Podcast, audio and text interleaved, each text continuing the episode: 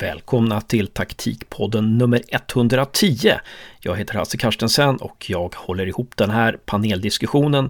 Medlemmarna i panelen den här veckan är Dali Savic, nybliven huvudtränare för Dalkurd i Superettan, Tobias Birgersson, nybliven akademitränare i IF Elfsborg och Josef Karstensen, analytiker och scout och nybliven assisterande tränare i Forsbacka IK.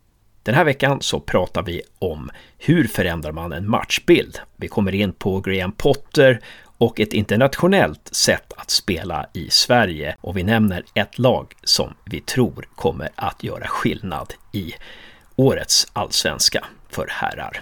Trevlig lyssning!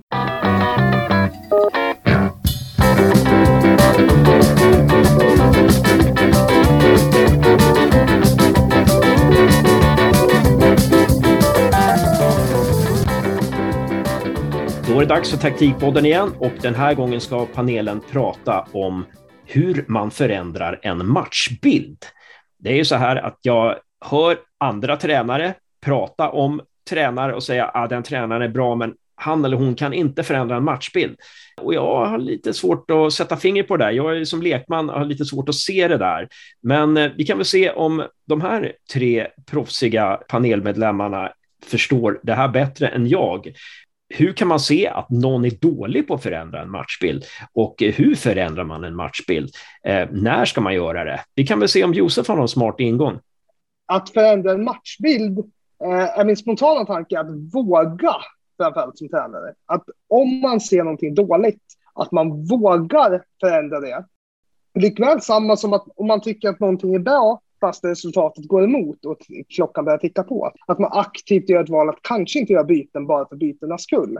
För mig kanske det handlar mer om att agera och göra det man själv tycker, tänker och ser, snarare än att försöka reagera. För att vid varje förändring så kan ju matchen antingen få en förbättring eller en försämring för sitt egna lag. Är det värt risken att göra en förändring i en match för att eventuellt få ett bättre resultat? Eller tycker man det ser så pass bra ut att man håller och låter det vara? Det får vara min startöppning, så får jag höra vad ni returnerar ja. grabbar säger. Så lita lite på, på, lita på din intui, intuition. Gå inte så mycket på intellekt, utan lite mer intuition känner du och våga stå för det. Det, eh, det är min tolkning. Vi ska se om någon vill kasta sig in här, Dali eller Tobbe. Dali. Ja, alltså det är härligt med alla de här tyckarna på läktaren som uh, tycker och tänker och den här spelaren borde spela och den här spelaren borde bli utbytt och så där.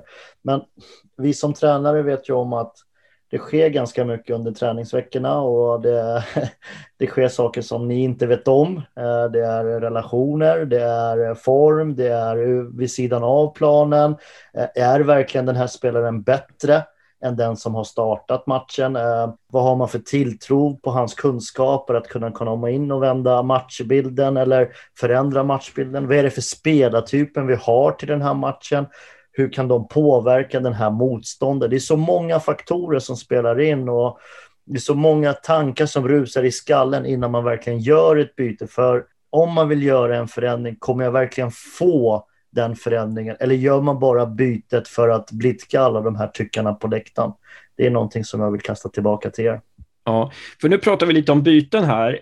Alltså, man kan också tänka sig att man förändrar en matchbild genom att förändra sitt spelsätt. Jag tänker på Graham Potter som hade så otroligt många olika sätt att spela, som, som hade förberett sitt lag på, på olika sätt att spela med samma spelare och liksom chockade hela fotbollssverige när man ändrade struktur på spelet. Va, vad säger ni om det? Låta Tobbe komma in där först. Mm, man går på det du pratade om precis nu då med Graham Potter och där, så egentligen så var det inte så att de ändrade sitt sätt att spela speciellt mycket. De ändrade egentligen bara formationer. Det var ju det att de flyttade liksom om på de delarna istället. Vart vilka ytor ville de komma åt med mycket folk? Det var egentligen mer det tycker jag som för det var ju det var ju väldigt tydligt hur Graham, och det är det fortfarande, även i Brighton med, hur han vill spela fotboll. Det är jätte, jättetydligt enligt mig.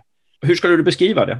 Jag skulle beskriva det som en väldigt modig fotboll, en väldigt eh, vågar det är inte ofta du ser en Brighton-spelare eller en Östersundsspelare under Potter som kastar ut bollen över sidlinjen i ren panik, utan de försöker att spela sig ur hela tiden och rulla sig ur, oavsett vilka egentligen lag de möter. Och det är ju en väldigt possession, bolldominerad fotboll, alltså passningsdominerande fotboll som han, som han spelar.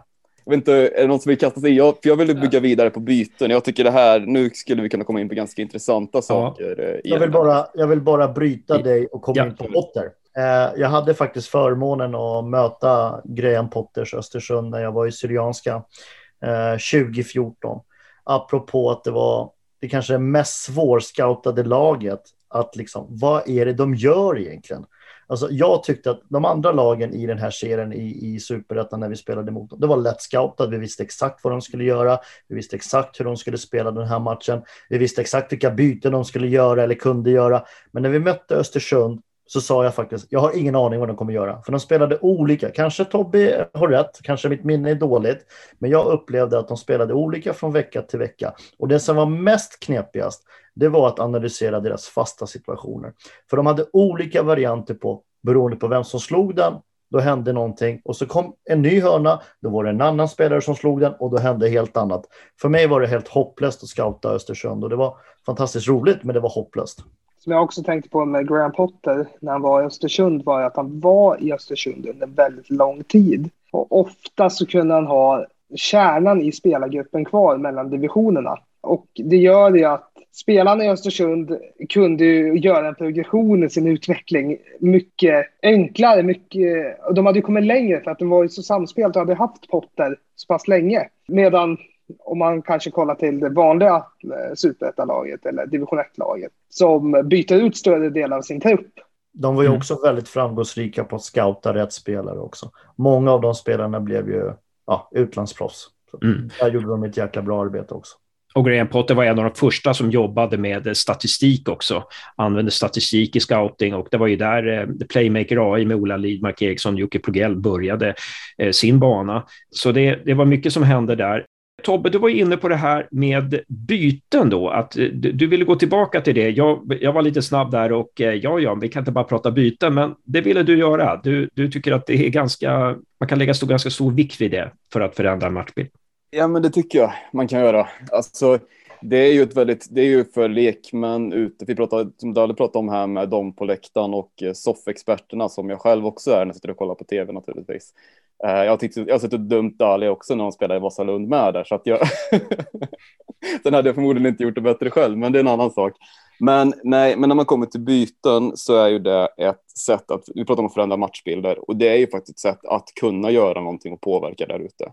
För du kan skicka ut en spelare med meddelande ut till andra spelare där ute att få igång saker du kan instruera, liksom, ifall du vill förändra någonting, ändra om, så kan du instruera den spelaren till hur det ska ändras om innan den kliver ut. Så du kan få ut som en ledare, inte en ledare på plan, men vad ska jag säga, en slags messenger ut på plan som kan liksom styra det här vidare på ett bra sätt. Och sen är det en annan del i det som, som jag tycker är intressant och som jag tycker är, vissa tränare tycker jag är Ja, det är hur man ser på det. Jag vet inte, det här ska bli intressant att se hur Dali och Josef tänker om den här biten. För jag är ju av den, förmån, den delen att jag tycker att är att göra ett byte, för mig spelar det ingen roll när det bytet kommer överhuvudtaget. Skulle det bytet komma i minut sju, då skulle jag ta det bytet om jag såg att det skulle förändra matchen. Eh, jag har till och med gjort det också så pass tidigt i det. Det som jag vet är när man diskuterar med tränare om sådana här saker, det är det att många, det finns väldigt många olika åsikter om att göra så tidiga byten och så tidiga förändringar. För väldigt många tänker då på hur agerar spelaren, hur reagerar spelaren som blir utbytt? För det är ganska pinsamt att bli utbytt i sjunde minuten och det, det kan jag förstå, liksom, eller i tolfte minuten om det skulle vara så. Men för min del tycker jag att det är en självklarhet, alltså framför allt på elitnivå där det handlar om poäng, resultat, allt den här biten liksom i det. Vad är det som kan utlösa ett sånt tidigt byte? Att spelaren möter en spelare som exempelvis då har en långsam, då, ja men du tror att du har scoutat rätt och sen gör din skickliga motståndartränare något helt annat som de ofta, en del av dem gör. Eh, vilket gör att du får en helt annan spelare mot dig som får ett övertag på exempelvis säger vi en ytterback och det mot en snabb ytter. Då säger vi där. Så att den här yttern får en, ett övertag på ytterbacken och kommer runt hela tiden. Och du kanske behöver få in mer fart, mer speed på något sätt liksom, för att kunna möta upp den. Det kan vara en sån enkel sak nu. Det kan vara ett sånt byte för att få stopp på saker liksom, hos motståndarna. Eller för att kanske utnyttja någonting, kanske inte, ja, men även offensivt liksom, naturligtvis. Nej, men när Tobbe lägger ut korten på bordet och förklarar scenariot så tycker jag att det är klart helt rätt att göra det bytet. Men det som slog mig först var så här, fan Tobbe, har du inte scoutat dina motståndare? Har du startat med fel spelare? Hur fan tänkte du när du tog ut laget? Men då köper jag argumentet. Sen kan man ju fundera på, ska man verkligen göra bytet då? Eller kan man då kasta om kanske att man byter kant på någon spelare eller man byter position på någon spelare för att inte hamna i det här ah, pinsamma eller att någon känner sig utpekad och så kan man korrigera i halvtid. Men, men det är klart, man ska ju vinna matchen och, och som tränare så måste du göra det som är bäst för att vinna matchen såklart. Mm. Jag skulle inte säga att det bara har med, det kan ju även ha att göra på sådana grejer som att spelaren är för dålig. Det är en spelare som inte kommer upp i nivå, inte, inte efterlever de, det som krävs där ute. Dåligt förberedd, det kan vara precis vad som helst i det. Som, ja, jag ska säga, jag ska slänga ut den också. Jag lovar Dali, jag ska bli bättre på att scouta, det lärde jag mig efter den gången. Det handlar ju också om ledarskap. Eh, jag, jag, har inte så stor fotbollserfarenhet eh, med att ha spelat några säsonger i division 7, men eh, jag, jag har jobbat som ledare i ganska många år och det handlar ju väldigt mycket om att förbereda. Om man förbereder sin, sina gruppmedlemmar på det, ja, det här kan komma att ske, så, så är ju väldigt mycket vunnet. Alltså, och att man hela tiden har lagets bästa för, för ögonen, så, så kan ju inget byte egentligen vara förnedrande.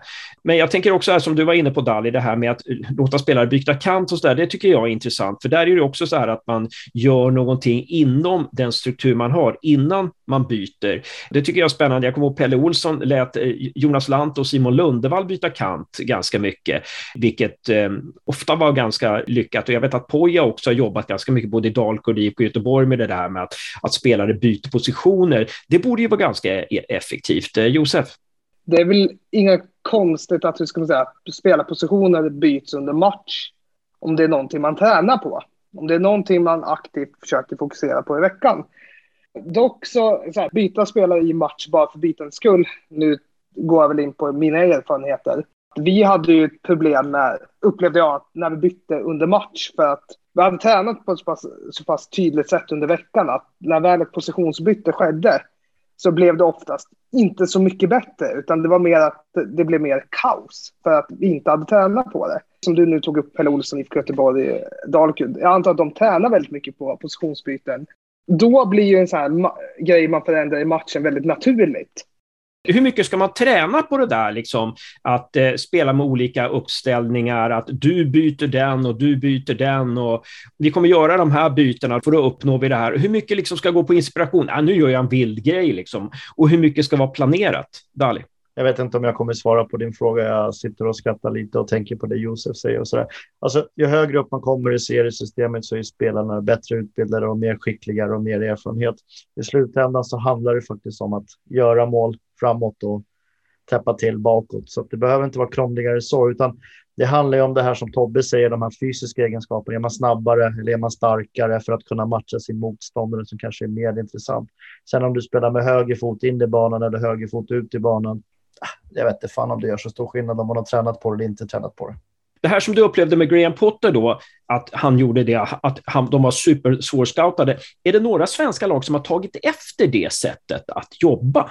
Eh, har ni någon erfarenhet där? Dali till exempel, har du sett någon, någon, någon så att Nej. det sattes ringa, ringa på vattnet på något vis?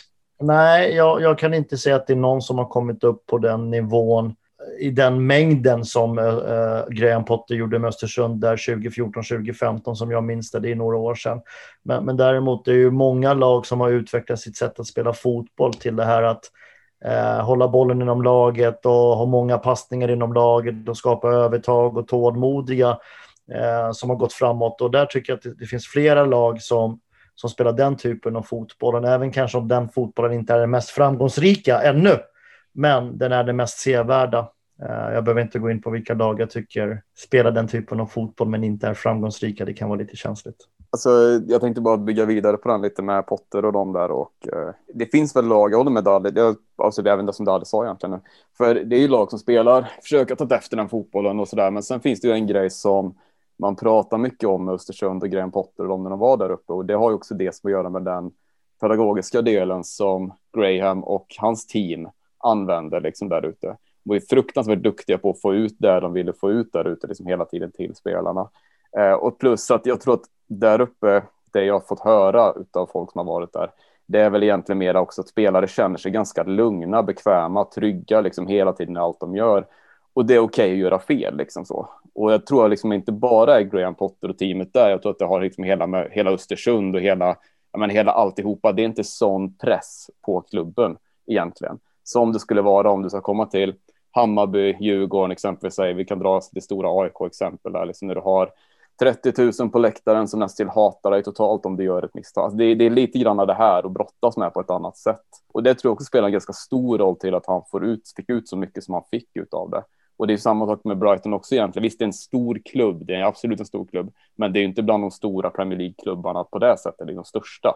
Så jag tror att det, det passar. Det hade varit intressant att se honom och hans team i en riktigt stor klubb i, ja men säg United, säg ett sånt lag. Det hade varit väldigt intressant att se hur mm. de får ut sitt budskap där. Kanske går snabbare än du tror att få igenom den önskan. Kanske. Hoppas det. ja.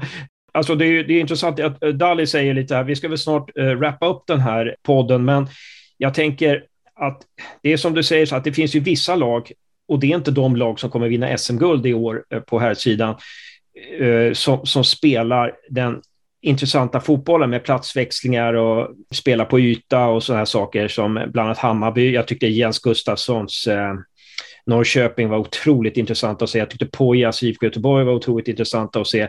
Det är några lag där som, som, inget av de lagen har ju vunnit någonting, men det, så jag hoppas att, att i svensk fotboll att vi vågar gå mot det sättet att spela, ett mer internationellt sätt att spela, ett mer kreativt sätt att spela. Nu är det någon som viftar. Ja, det var jag som viftade. Ja, du har ju ett lag som kommer upp nu som eh, egentligen står för väldigt mycket det här, prata om mod och våga liksom och bygga de bitarna och det är Värnamo som kommer upp nu där har vi ett sånt lag, ett lit, en liten, liten förening. Liksom ett, det ska bli väldigt spännande att se vad de kan göra nästa år i allsvenskan med den filosofin som klubben verkar ha, liksom med hur man jobbar med spelare, de värderingar och alltihopa. Det är väldigt, väldigt intressant att se. Hörni, är det någon som vill säga någonting mer eller ska vi säga att eh, den här podden är avklarad för den här veckan? Det ser ut som det är tre trötta ansikten som möter mig här. Eller tre nöjda ansikten kan det också vara. Eh, eller tre hungriga ansikten, jag vet inte riktigt. Eh, jag känner dem inte så bra.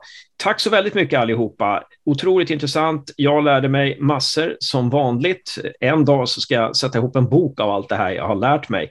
Den blir väl på ungefär 700 sidor tror jag. Har ni några åsikter om den här podden så mejla oss på taktikpodden gmail.com eller yttra er på Twitter eller Instagram. Hej då!